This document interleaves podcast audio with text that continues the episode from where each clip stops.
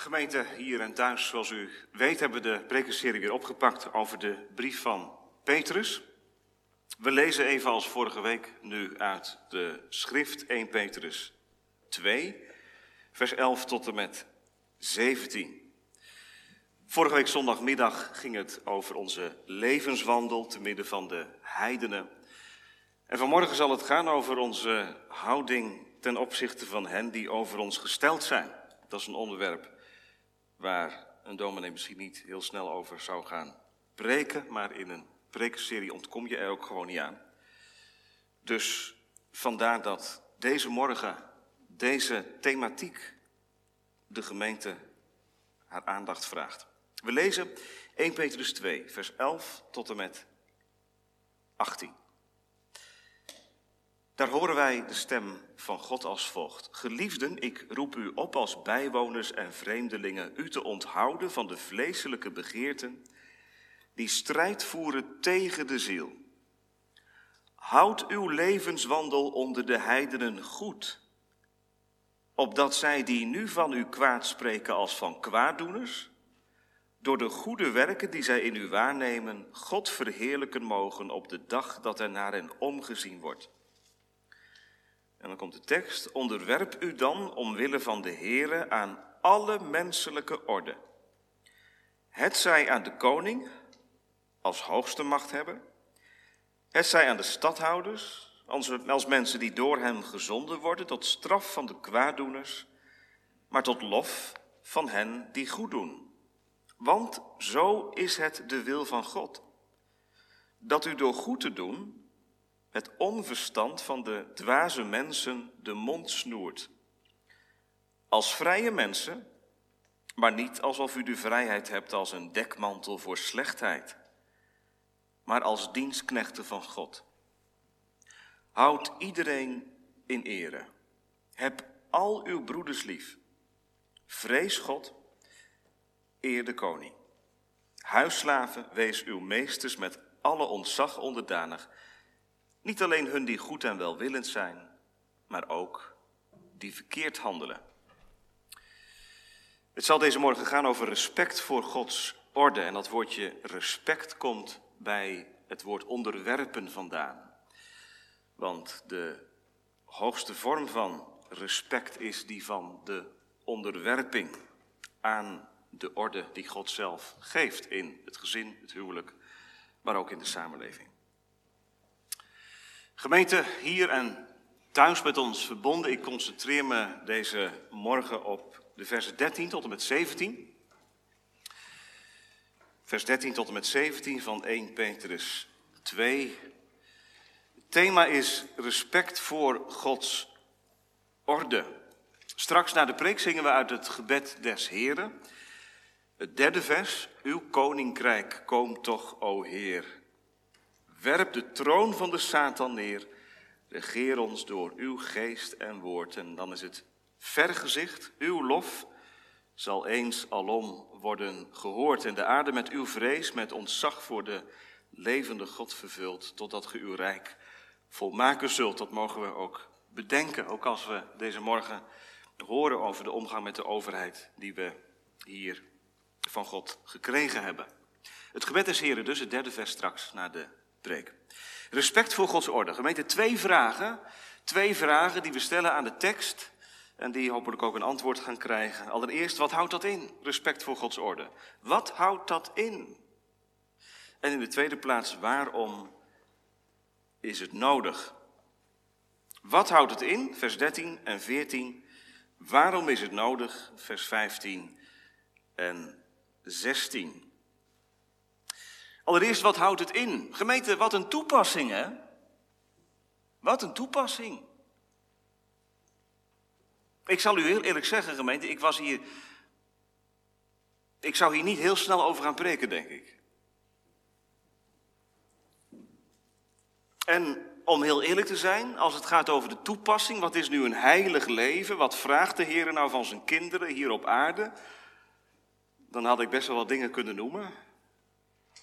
Maar niet zo heel direct denk ik dat er ook een relatie is met de overheid, met degenen die over ons gesteld zijn. En dat dat zijn uitwerking heeft op hoe een christen leeft op deze aarde. U wel, had u daar wel direct aan gedacht? Petrus die heeft in dit praktische gedeelte van de brief, wat begonnen is bij vers 11, al heel snel aandacht voor onze relatie met de overheid.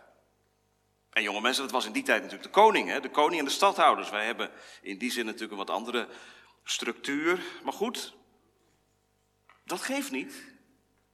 Het kan per land, per werelddeel verschillen. Het gaat even over de verhouding tot. Petrus heeft benadrukt in het eerste gedeelte van de brief. Wat is nou de status, wat is nou de nieuwe status van een christen?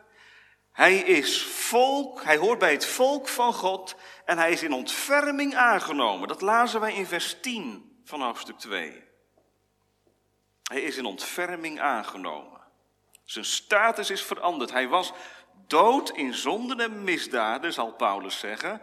En nu is hij levend voor God. Hij was zonder hoop. En nu leeft hij door de hoop. Nou, dat nieuwe leven, dat is iets wat van binnen ontstaat, kinderen. Hoe weet je nou of, de of je de Heer Jezus lief hebt? Nou ja, dat is iets wat van binnen ontstaat. Liefde ontstaat altijd van binnen. Neem nou even als voorbeeld een huwelijk. Een man en een vrouw, die zijn met elkaar getrouwd.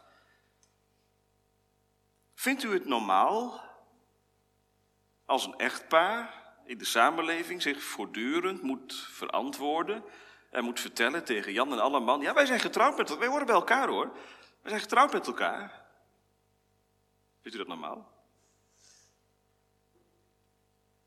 Vindt u het normaal als die twee mensen, als het echtpaar zichzelf uitnodigt ergens op bezoek, ergens koffie drinken?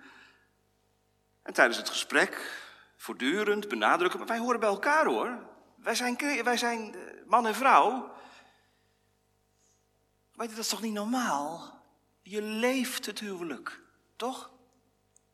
En, en de mensen buiten je, om je heen, die zeggen, oh, die horen bij elkaar, dat kun je zo zien. Je hebt elkaar lief. En als je wat langer met elkaar omgaat, dan merk je dat ook in de manier waarop man en vrouw met elkaar leven en communiceren. Nou, even voor jullie jonge mensen. Dit is nou Godvrezend leven. Ik gebruik bewust even dat woord. Dat is geen oudbollig woord, dat is een oud woord, maar wel een heel bijbels woord. Godvrezend leven. Wat is Godvrezend leven? Ja, daar kun je allerlei gedachten over hebben. En die heeft u misschien ook wel. Godvrezend leven. Maar Godvrezend leven is volgens Petrus, dan heb je een binnenkant en er is een buitenkant. De binnenkant is dat je veranderd, vernieuwd bent door het werk van de Heilige Geest, wedergeboren. Dat je de Heer Jezus Christus hebt liefgekregen als jouw persoonlijke verlosser. Dat je alleen maar kunt zeggen, Heere God, het is dankzij uw verkiezing dat ik erbij mag horen. Dat ik uw ontferming deelachtig ben geworden. Nou, en dat leven heeft ook zijn weerslag op de buitenkant. En bij de buitenkant moet je dan verborgen denken aan de samenleving. De manier waarop je daar staat en gaat. Godvrezend leven. Dat is dus niet dat je je terugtrekt uit de wereld. Dat je wereldvreemd wordt. Je opsluit in je bubbel. Om maar even een heel modern woord te gebruiken. We hebben allemaal van die bubbels hè, tegenwoordig. Je kunt ook een christelijke bubbel creëren. Of een refo-bubbel. Dat je met elkaar het heel goed hebt en houdt, hopelijk. En de wereld, ja, dat is, dat is een bedreiging en we moeten vooral niet te veel mee te maken hebben. En laten we de dijk hoger en hoger maken. Petrus zegt dat gaat, gaat je niet lukken. Dat moet ook niet. Je leeft, je staat midden in deze seculiere, zeg ik er dan maar even bij, werkelijkheid. En in die werkelijkheid moet je geen ghetto creëren. Maar heb je goed te doen.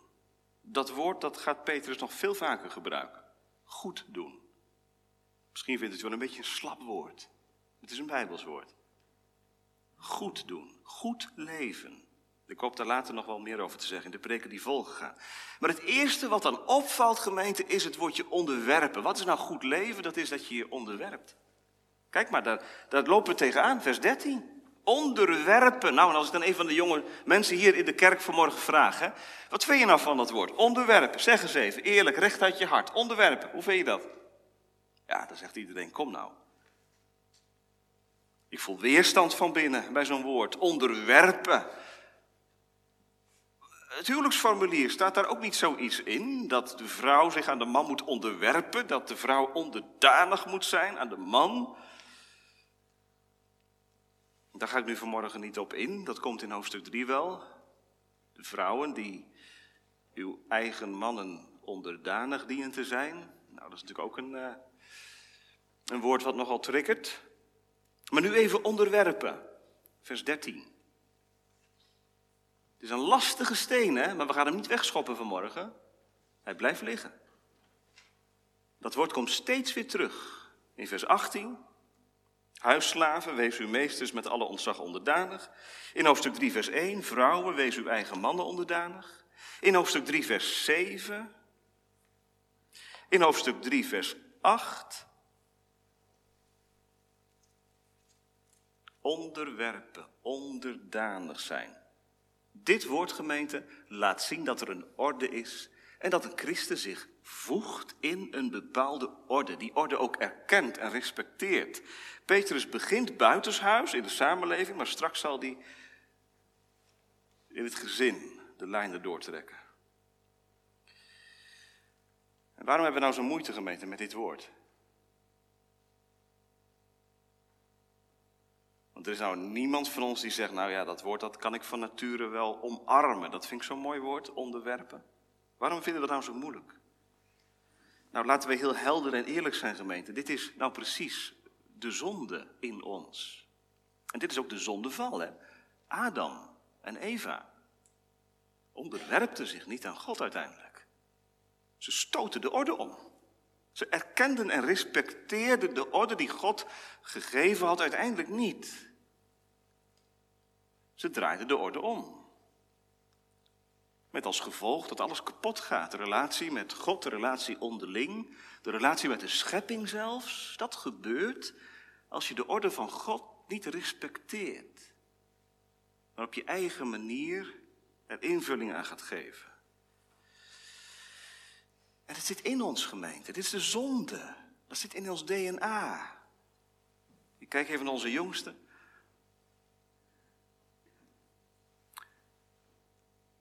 Ja, u zult zeggen, komt hij weer met zijn jongste? Ja, maar het is wel het voorbeeld, gemeente.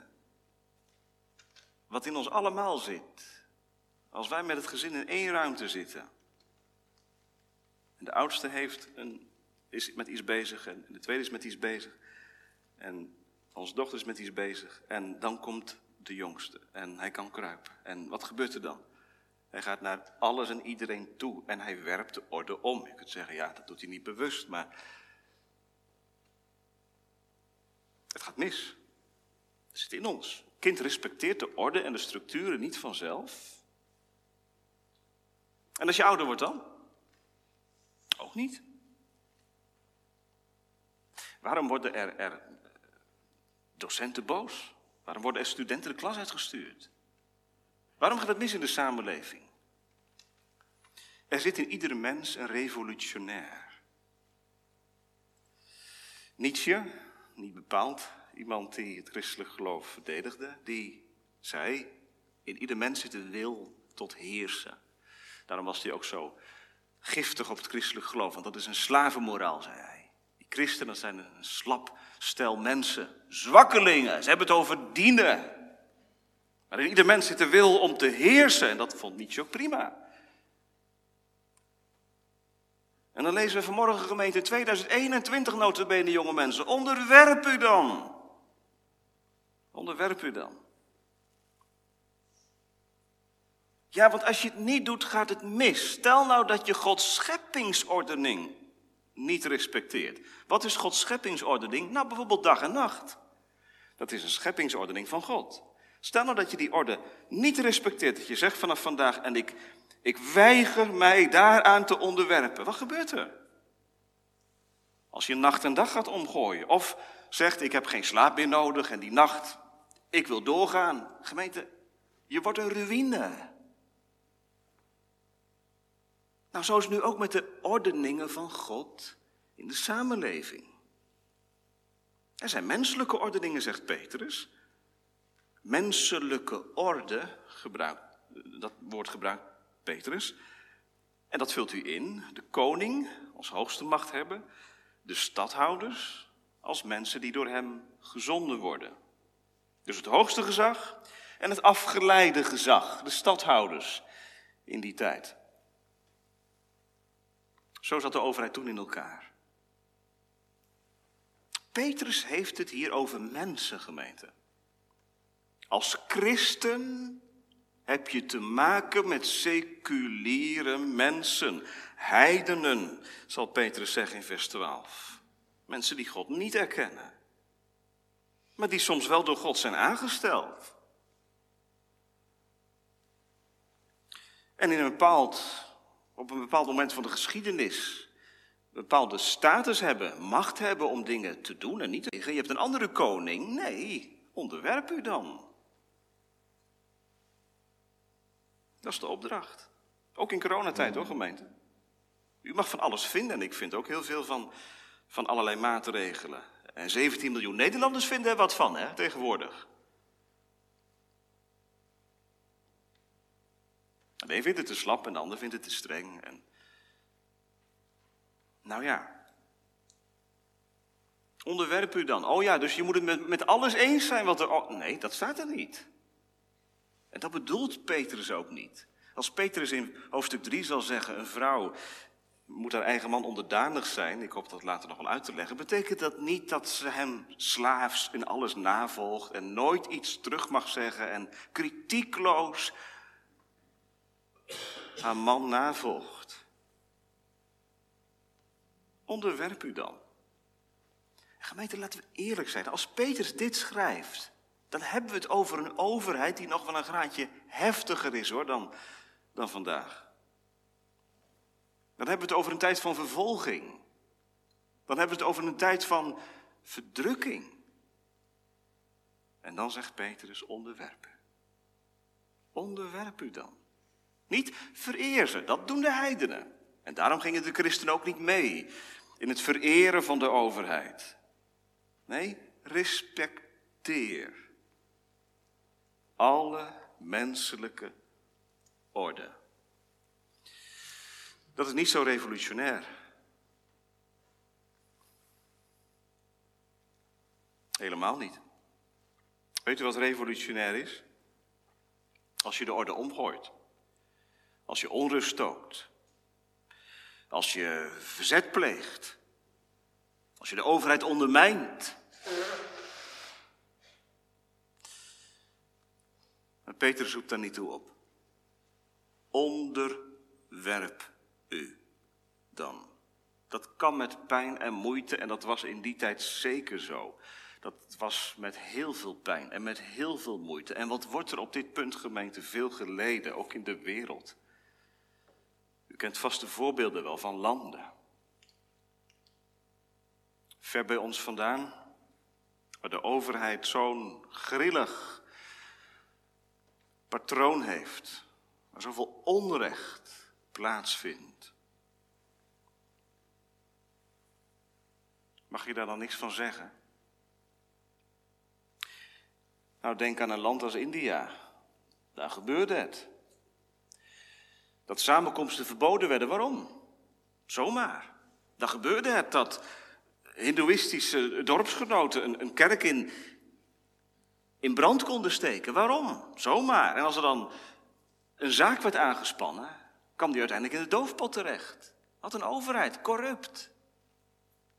En de christenen gingen door. Waarmee?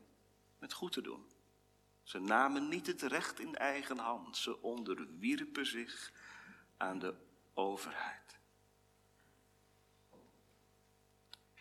Gemeente, ik vraag u, waarom vraagt Petrus dit van zijn medegelovigen? En waarom vraagt de Heere dit van zijn gemeente vandaag? Weet u dat? Omdat u bijwoner en vreemdeling bent. Tenminste, als je beleidt van Christus te zijn, ben je een bijwoner en een vreemdeling. Je bent een buitenlander, je hebt geen macht, je hebt weinig invloed, je kunt de boel niet regelen en niet controleren.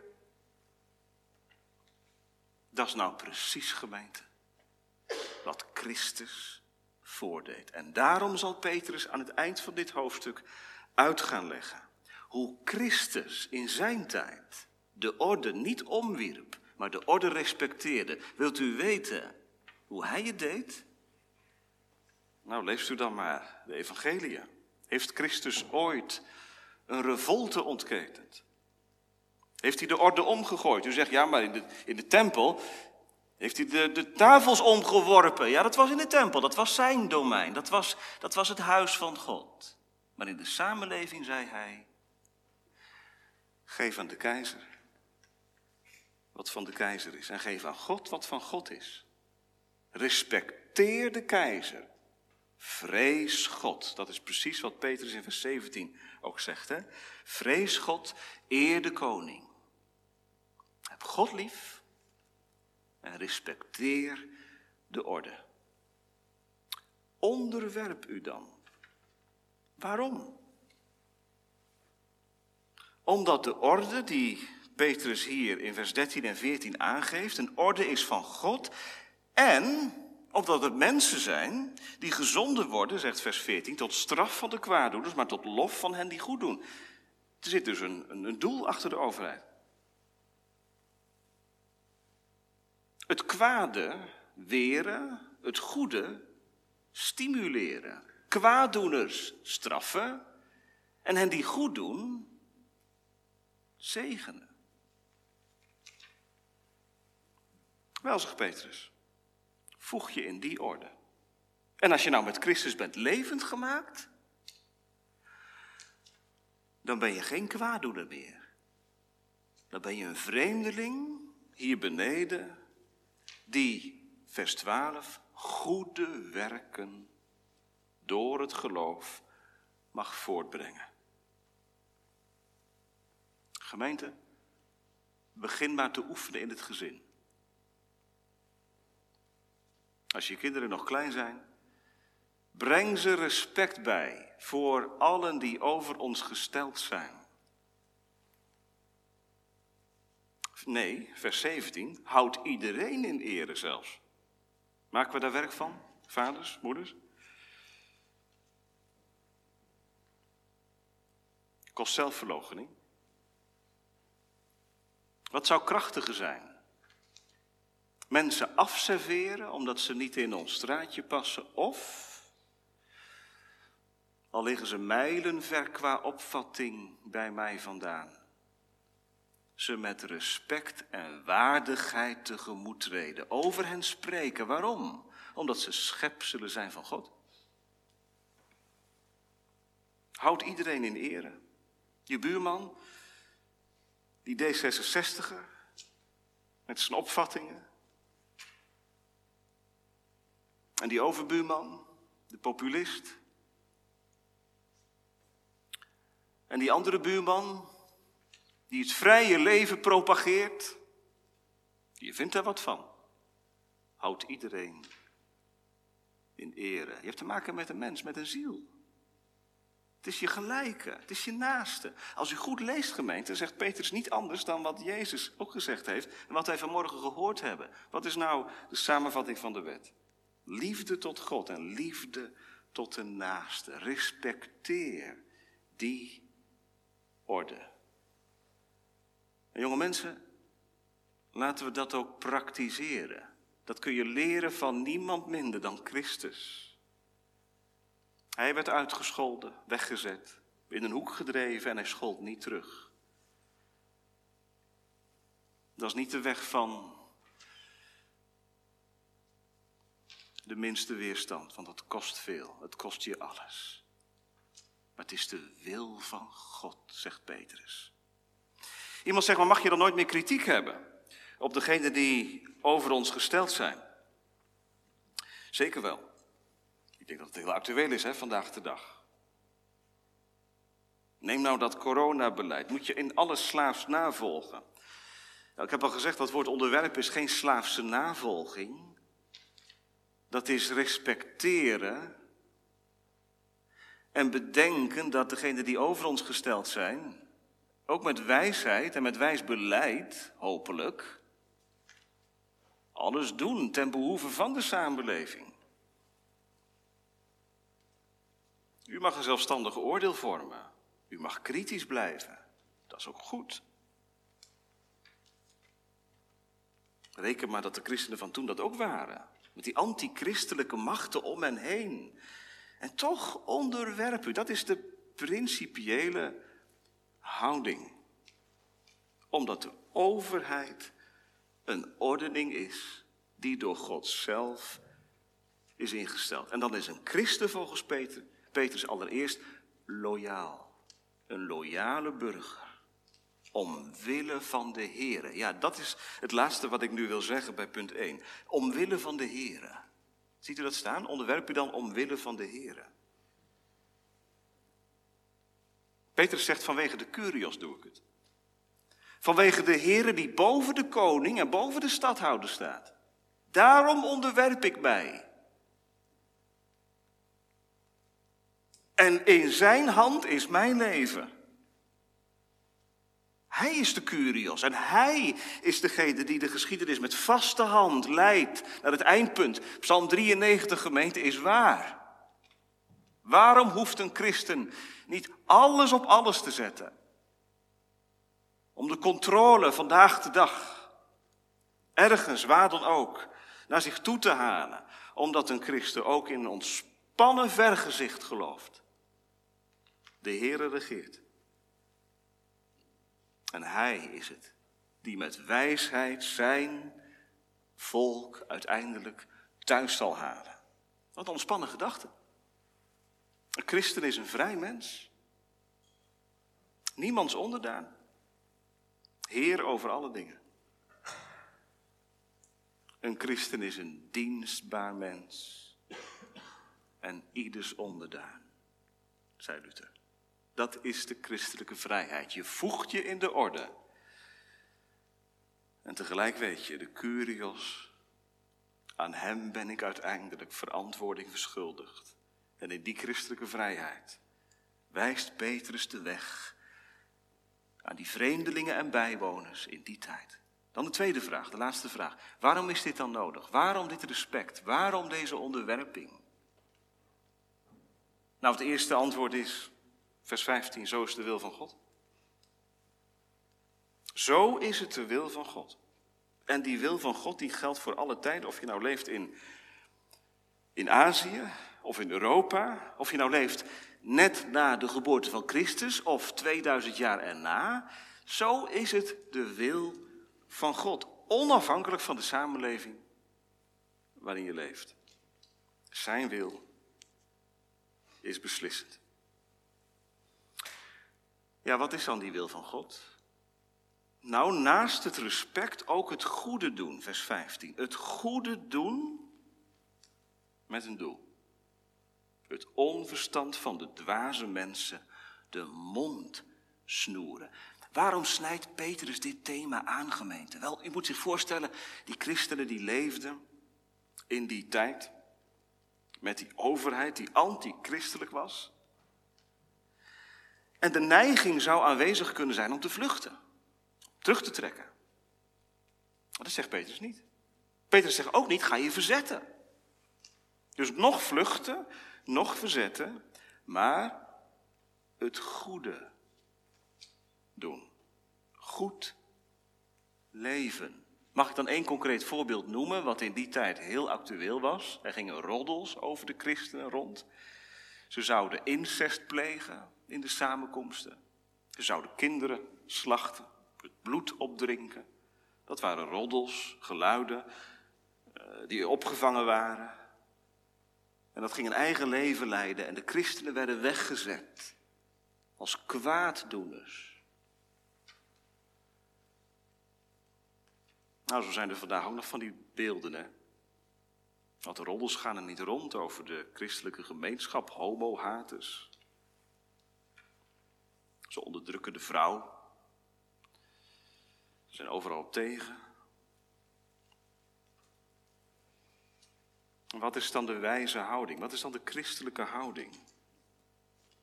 Goed te doen. Oh, je kunt een petitie ondertekenen, je kunt een manifest schrijven. Maar Peter zegt, goed doen. Dat voelt als de weg van zwakheid. En gemeente, laten we erkennen, misschien is dat ook wel de weg van zwakheid. Maar zou dit niet de weg van de meeste zijn?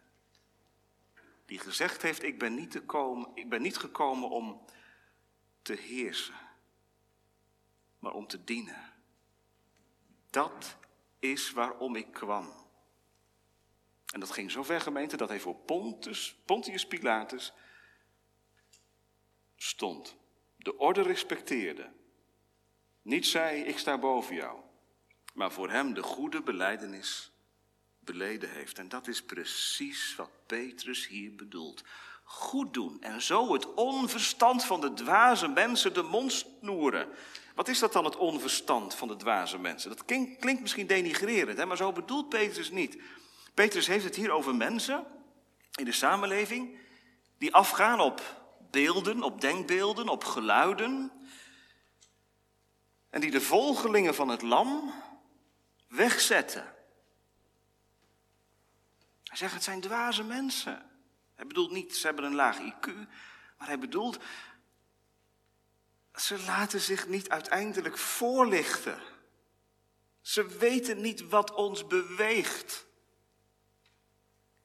Ja, maar hoe kunnen ze dat te weten komen? Door goed te doen, zegt Petrus. Zo snoer je de mond. Het liefst zou je natuurlijk willen, gemeente, toch? Hè, dat iedereen die in je buurt leeft en die je ziet tot bekering komt. Dat zou natuurlijk het mooiste zijn. Petrus is heel nuchter. Hij zegt, dit is ook een doel van het christelijke leven. Dat je de dwaze mensen de mond snoert. Dat die praatjes die over je rondgaan en over de christelijke gemeenschap in de media opgeklopt worden, dat je de mond snoert. Niet door alles uit de kast te halen en een tegenreactie op gang te brengen. Niet door met geweld de media van je af te slaan, maar door goed te doen. Want gemeente, in die smaad hè, die over christenen wordt uitgestort, ook in deze tijd. En begrijp me goed, ik bedoel dat niet om zielig te doen, maar in die smaad ja, zit toch vaak iets onredelijks. De media werkt daar heel grif aan mee tegenwoordig. Om de naam van de christenen door het slijk te halen. En je emoties zeggen, we zullen ze van katoen geven, die media. En als ze hier op zondag staan, dan voelt u die emoties.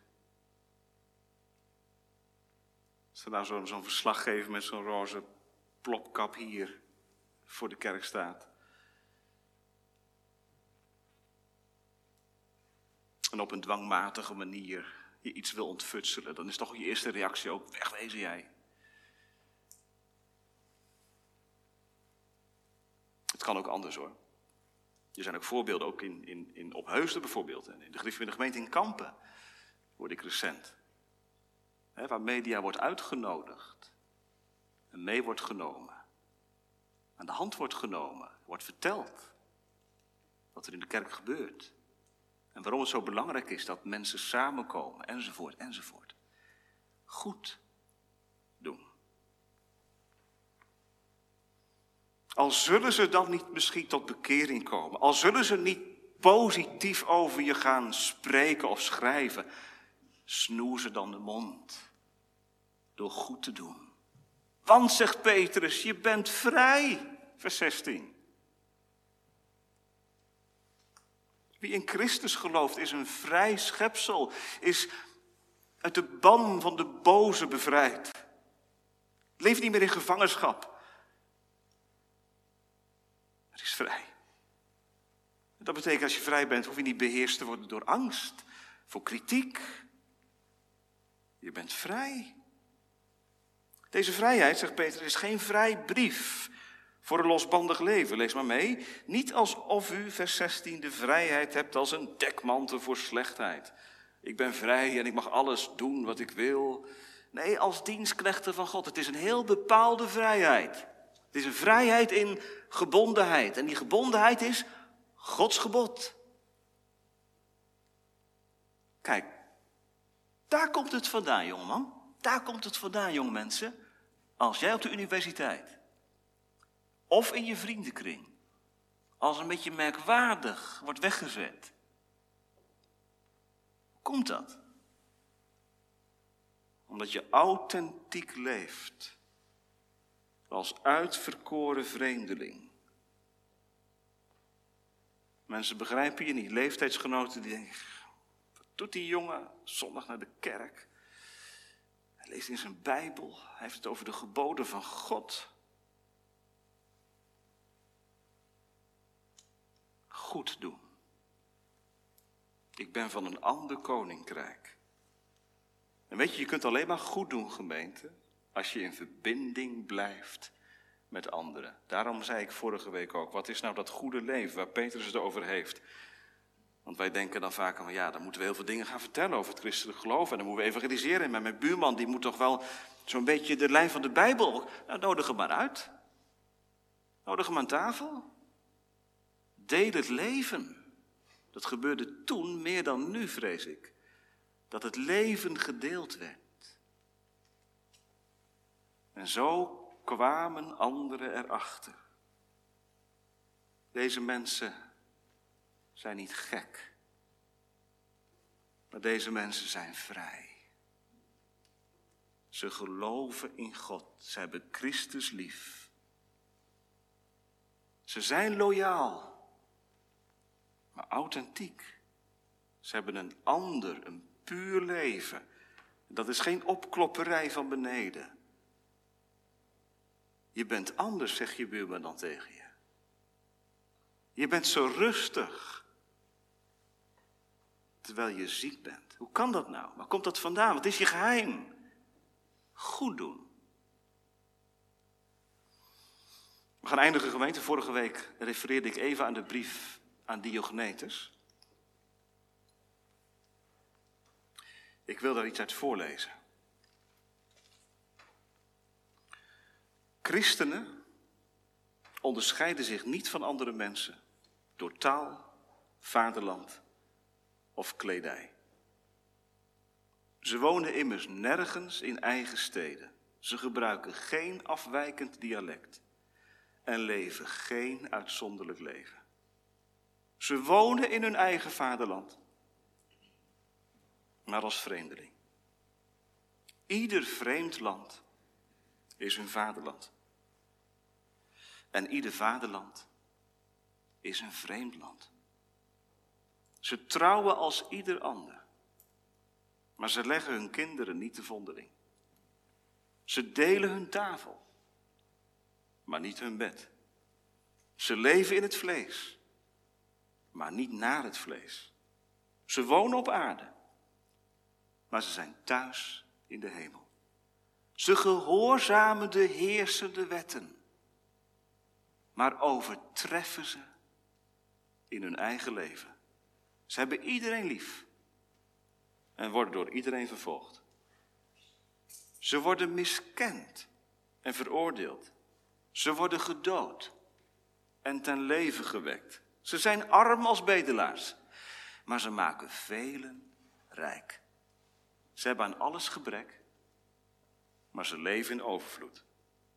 Ze worden veracht maar ze worden verheerlijkt door de verachting. Ze worden belasterd, maar ze worden gerechtvaardigd door de laster. Ze worden bespot en ze zegenen. Ze worden beledigd en bewijzen eer aan hen die hen beledigen. Hoewel ze goed doen, worden, ze gestraft als misdadigers.